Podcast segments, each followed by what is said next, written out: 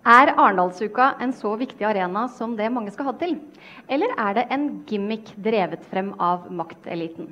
Velkommen til Firstcast, First House sin egen podkast. I dag er vi i Arendal i anledning Arendalsuka. Og vi har fått besøk av dere tre. Tusen takk for at dere vil komme.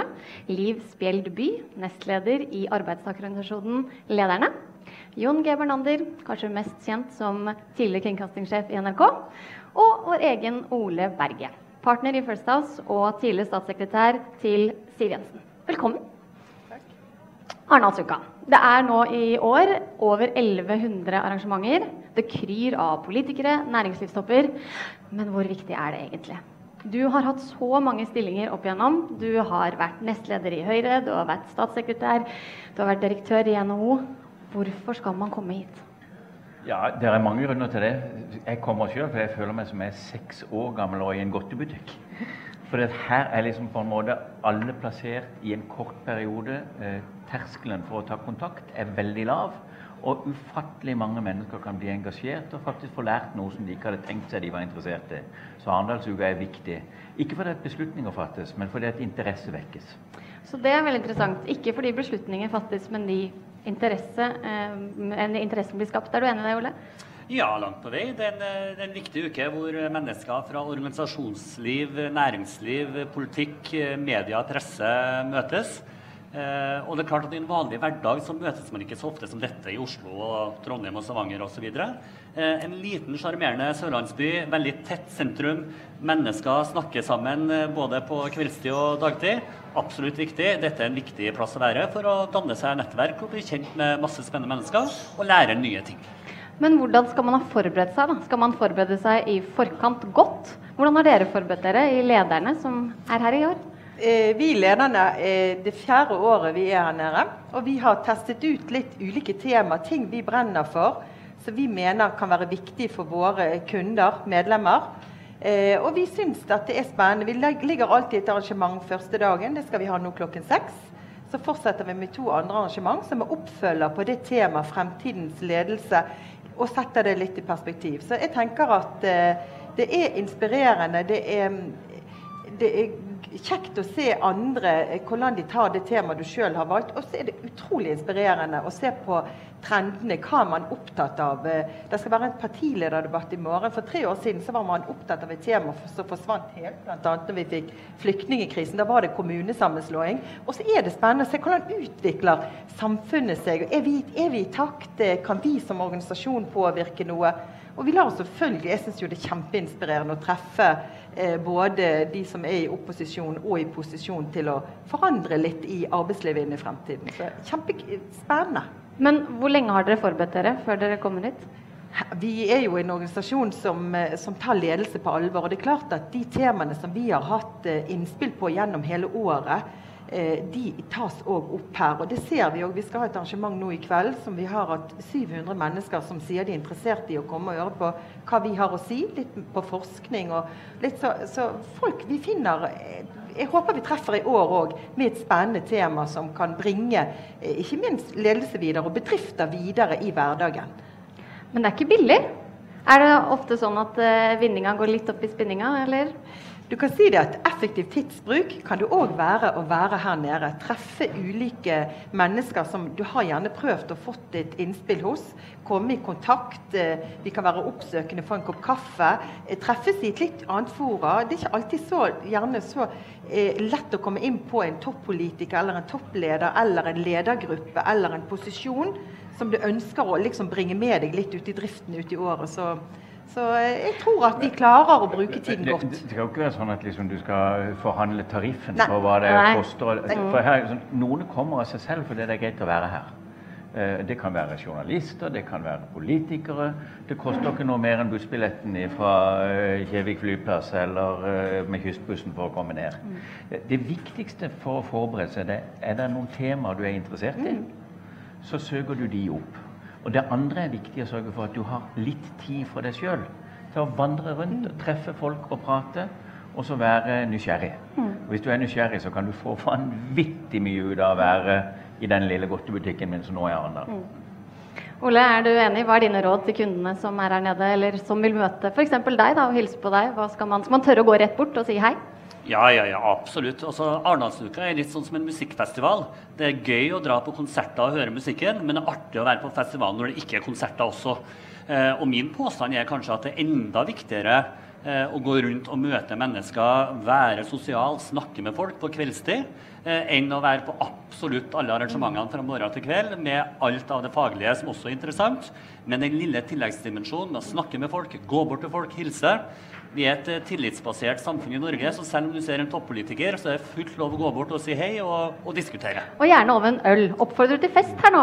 Nei, jeg skal jo ikke oppfordre til å drikkepress på noen som helst måte, men det er klart at det er hyggelig å ta seg en kald øl eller et godt glass vin i sommersola her på Sørlandet. Eh, men eh, søvn, det blir det så altfor mye av. Men jeg leder, jeg leder nettopp en debatt på, på dekket av skoleskipet Sørlandet. Ja. Det var cruiseindustrien. Og det har vært sagt mye om cruiseindustrien i sommer. De utfordra politikerne. Da var det Else-May Botten fra Arbeiderpartiet og sitter i næringskomiteen og energi- og miljøkomiteen. Og hun sier OK, jeg tilbyr dere en dag. Vi får, først får dere en høring i komiteen hvis det går bra. Hvis ikke skal jeg sørge for at dere får en høring i åpent hus i Stortinget. For cruiseindustrien de har grunn til å gå ut og ta seg en øl. For nå er det noen som lytter til dem, og som vil være med og ta initiativ for å løfte bransjen videre. Det er klart det betyr mye, enten det er for lederne eller hvilken som helst organisasjon du måtte være i, å få noen som lytter til deg mm. Eh, når du er her. Men politikerne, da, har de like mye ut av å være her? Altså, vi har en helt annen tilnærming til Arendalsuka enn hva næringslivet har og organisasjonslivet har. Hvordan da? Eh, de kommer hit først og fremst for at de ikke har mulighet til å la være. Eh, fordi Hvis det er politiske partier eller statsråder eller, eller, eller toppolitikere som ikke er her, så blir det lagt merke til. Eh, politikerne tror jeg nok helst gjerne skulle sluppet å vært så mye på Arendalsuka. Fordi det er klart at politikere har en hektisk hverdag, det er saker som skal behandles osv. Og så drar du her på debatt etter debatt etter debatt. Eh, og når det er over 1000 arrangementer, så er det klart du får ikke verken mediedekning på mer enn 5% av dette, og det er ganske Eh, begrensa med tilhørere sammenligna med å, å, gjøre dette på en annen ukedag et annet sted i landet. Men de har ikke råd til å være her. Derfor er de aller, aller fleste eh, politikere til stede. Eh, og det er det som gjør det så fascinerende også. Da kan alle snakke med dem. Men det gir jo selvfølgelig en verdi til de også, å få disse tilbakemeldingene fra organisasjonsliv og næringsliv.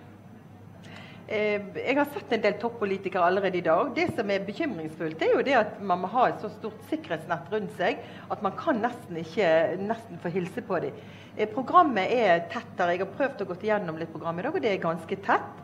Men allikevel så er det jo debattarenaer der man trekker ikke minst opposisjonen og hører på de som kanskje er med på å, å skal styre i en annen setting om et, par, om et år eller to eller tre. Mm. Så, så det er interessant. Men fra næringslivet, hvor skal man være da? Altså det, hvor du skal være, det må jo hver og en definere ut fra hvor du har interesse, hva du har nysgjerrighet for og sånt. Men altså, jeg er jo helt enig med deg at politikerne ønsker å være her, mm. men de kanskje ikke fullt så mye. Hvis det var noen som kunne ha tenkt seg å ta regien over Arendalsuka, så er det jo generalsekretærene i de politiske partier. Og for å si det sånn, Jeg var med da initiativtakerne kom og skulle etablere det første gang. Generalsekretærene prøvde å ta regien, men de fikk det ikke til. Derfor er Arendalsuka blitt en suksess. Du kan ikke la være å være her. Og, og min erfaring er det motsatte. Vi bor i Norge. Der er pinadø ikke mye sikkerhetsopplegg i forhold til å ta kontakt med toppolitikere i Norge. Men det er ikke lett å gå bort til Erna og si at du skulle du hørte på dette her akkurat nå? Hennes program er sånn at hun har ikke forferdelig mye ledig tid til å stoppe opp. Men det er altså nok av alternativer til statsministeren hvis du vil snakke med politikere. Men noe kunne vel vært bedre? Det var vel noe som kunne gjort det lettere å komme i kontakt med f.eks. politikere. Er det, er det noe som kunne vært annerledes? Jeg er litt usikker på akkurat det, men det som jeg ser nå i forhold til så masse program som vi har, så må vi òg begynne å tenke litt sånn nytt. Hvordan skal vi planlegge for f.eks. neste år? Fordi at det er så mange eh, arrangementer. Og vi startet med fire timer. Nå har vi kommet ned til to timer. Hvis vi akkurat diskuterer kanskje til neste år, så må vi eh, lage vårt eh, og forberede oss på kanskje en time, maks halvannen. Fordi at det er så mye som man må velge å prioritere og få med seg. Og det gjelder jo også de som vi ønsker å treffe, de som vi ønsker å engasjere. Så, så, det er hele tiden bevegelse, men, men, eh, at det er spennende, at det er pulserende, og at det er mye som foregår, og mye som er givende for de som er så heldige å få være her og, og gjerne ha en rolle her nede, så, Nei, det er artig å følge. Det går sikkert mange skuffa hjem som har investert penger i å lage et arrangement, mm. og så kom det bare tolv. Mm. Og Det er selvfølgelig fordi det er ufattelig mye å velge mellom. Så jeg tror nok du, som dere sier, dere får være veldig kresne på det dere lager mye ståhei og virrakomring. Ja, for, for, for, du må være sikker på at du treffer. Ja.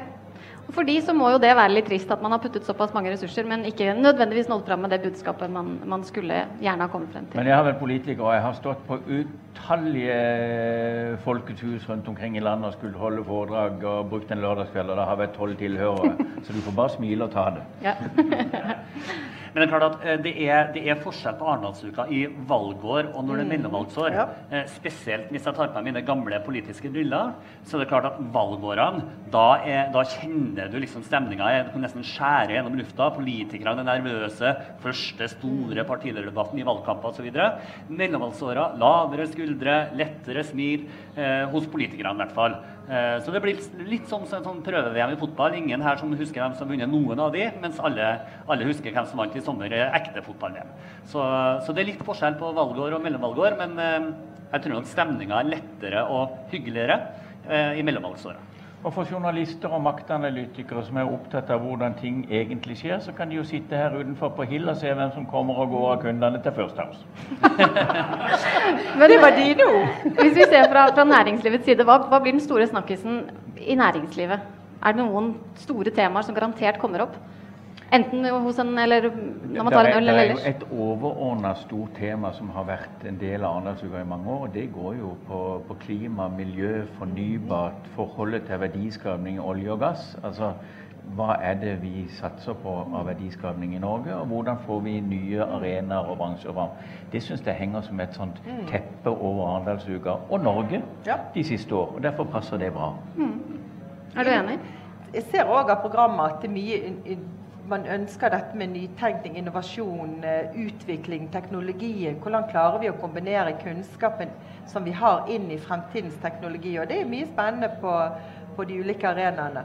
Så ja, det blir interessant å følge.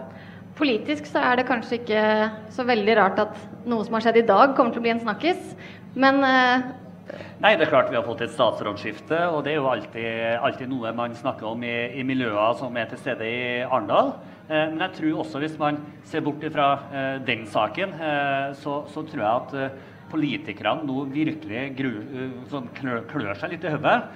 De står overfor en situasjon hvor Norge skal møte verden i mye større grad. Hva skjer på miljø? Hva skjer på handel?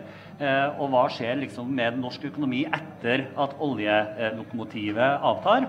Det er de store spørsmålene som politikerne tenker på, og som mange her til stede fra næringslivet og organisasjoner også er opptatt av, og ikke minst bruker muligheten til å, til å gi sitt stempel på hva politikerne skal gjøre i årene framover. Og så er jeg kjempespent på uh, ikke den store partilederdebatten, men den blant ungdomspolitikerne. Mm. Høres de ut som klakører til de store, eller har de egne tanker og står på egne bein? Mm. Jeg heier på det siste. Ja, det gjør jeg òg. Men jeg skal bore litt til i den Sandberg-saken. For var det en lettelse, tror du, for eh, både Erna og Siv at den kom opp i dag, eller hvordan tenker de nå inn ja, i Arendalsuka? Jeg, jeg tenker at uh, både for Siv og Erna og Per selv og alle andre involverte, så er det greit å få en konklusjon. Uh, fordi det er klart at Når man ikke har en konklusjon på hvordan dette skal ende, så, så er det tøft å stå i det for uh, alle. Nå kom den konklusjonen i dag. Det betyr at Siv Erna kan forberede seg til en partilederdebatt i morgen uten å, å tenke på denne saken. Det tror du ikke på? Jo, jo, jo. jo, jo. Det, det, tror jeg på. Jeg tror, jeg tror de er ferdigtenkt på denne saken. Og så er det andre saker de må tenke på, objektsikringssak osv., som, som Stortinget er opptatt av. Når en statsråd har gått, så har en statsråd gått. Jeg tror nok mine gamle kolleger i NRK og de andre partilederne sørger for at de skal tenke litt på det på, på debattnivå. Ja, ja, ja, men det ville vært mye verre for Erna og Siv å stå i morgen Nei. og ha denne saken uavklart. Nå er den avklart, da kan de svare mye, mye lettere. Så, så, det er nok greit for de at den er ferdig i dag. Har de rydda opp? Det var på tide. Ja. Eh, eh, fra, fra, mitt ståsted ståsted så hørte jeg litt av pressesamlingen som var før jeg gikk fra hotellet, og jeg la merke til at Per Sandberg hyllet eh, vår statsminister for at han var en god leder.